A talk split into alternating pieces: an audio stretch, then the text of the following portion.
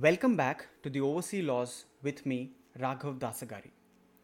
Before the break, we were talking about the concept of OCI, the benefit, benefits of OCI, like a lifelong visa to travel to India, unlimited stay in India, how one could pursue professions like doctors, chartered accountant, advocates, etc., and the eligibility for OCI card holders to buy real estate properties in India. I also told you the eligibility criteria for applying for an OCI card. Now let's move to the next part of our segment. Now, what are the disqualifications for an OCI card holder or a person who cannot apply for an OCI card?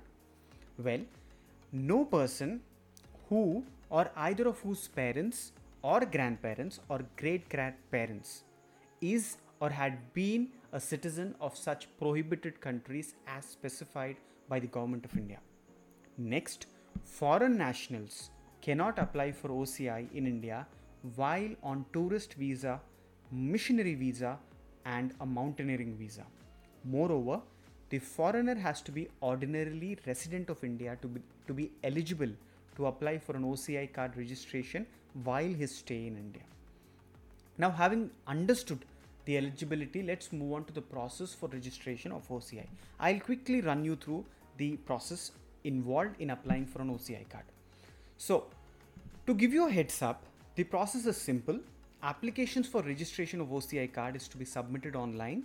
For this purpose, please log on to www.ociservices.gov.in. I'll repeat www.ociservices.gov.in. Navigation through the website is quite easy. You need to first identify the OCI category. There are different types of OCI registration services available on this website, and they are number one, new OCI registration, two, OCI registration in lieu of a valid PIO card, OCI registration in lieu of a lost PIO card, four, OCI miscellaneous services. This service can be availed for reissuance, issuance of duplicate OCI in the following scenarios.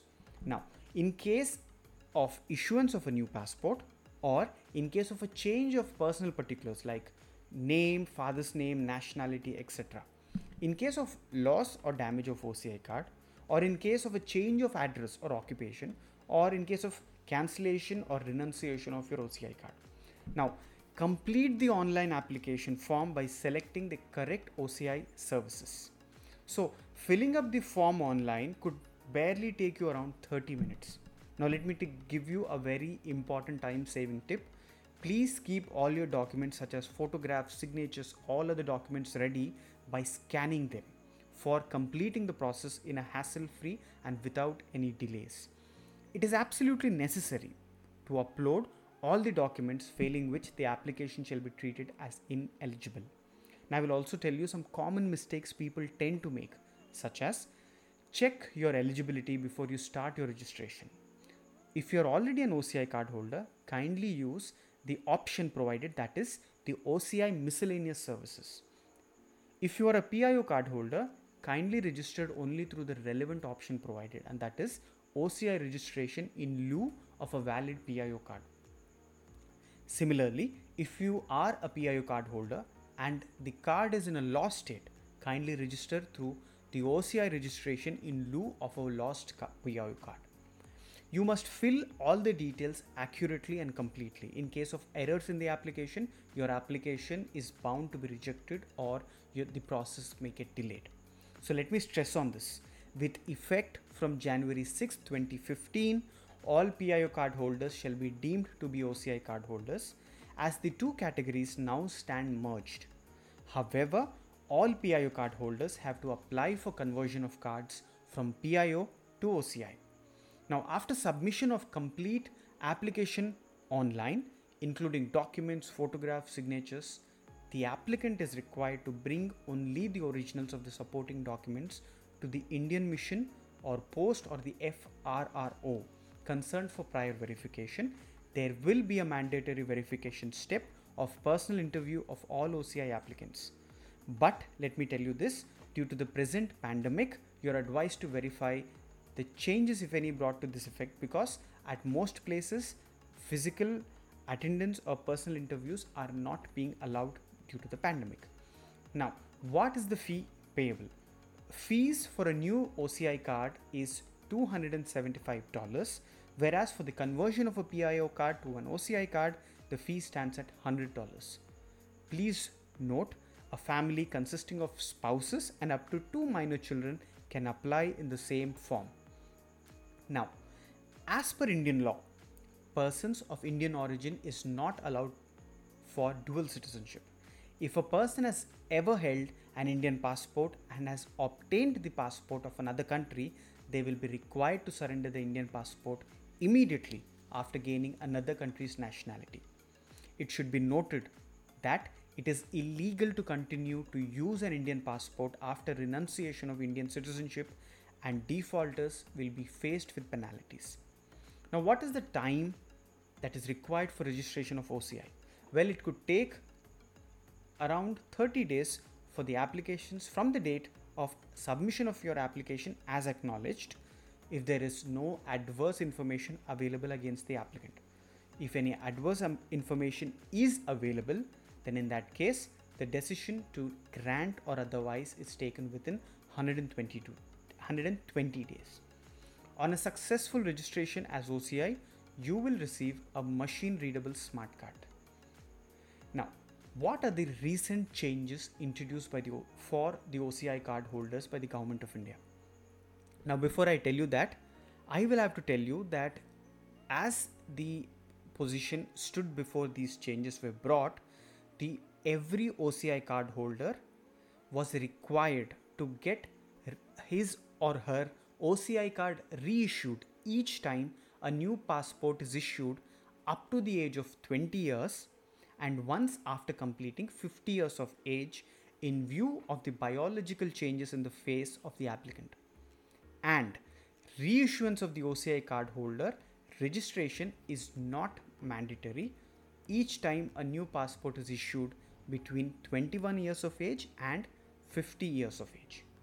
Now, the Government of India on 22nd March 2021 has granted extension of time for all those persons who have to seek a reissuance of the OCI card until 31st December 2021 and they shall be permitted to travel to India or from India on the basis of the existing OCI card be- bearing their old passport numbers.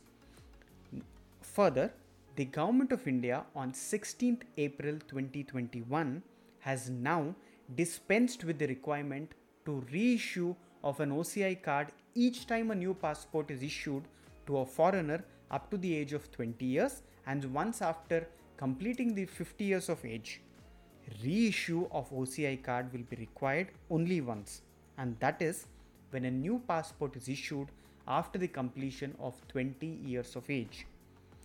However, there are some conditions. Every OCI card holder will be required to upload a copy of the new passport containing the photo and also the latest photo on the online system each time a new passport is issued up to the age of 20 years and after completing 50 years of age. The other requirement is that those of you who have been registered as OCI card holders as spouse of a foreign origin or of a citizen of India or a spouse of origin of OCI card holder will be required to upload a copy of the new passport containing the photograph and also a latest photo on the online system each time a new passport is issued, along with a declaration signed by the OCI card holder and his or her Indian spouse or OCI card holder spouse to the effect that their marriage is still subsisting. The recent notification also states that appropriate modifications are being made in the OCI Miscellaneous Services portal to implement all these new directions. This is expected to be launched by the end of June 2021. OCI card holders are therefore requested to wait for the updation of the portal before submitting any applications for the reissuance of a OCI card. Now, before I end this talk show, let me tell you something very important. OCI cardholders must always hold a valid passport during their stay in India. Stay of OCI cardholders in India without a valid passport is illegal. I hope today's talk show has been informative and helpful to you. Thank you for joining me. This is Raghav Dasagari on Overseas Laws only on Radio Nyra, Raleigh, Durham. Broadcast on three frequencies 99.9 FM HD4, 101.9 FM, and 1490 AM. If you have any questions or suggestions, you may WhatsApp me at 919 294 4800. Catch me on every Sunday evenings only on Radio Nyra, Raleigh, Durham. Until next time, stay safe.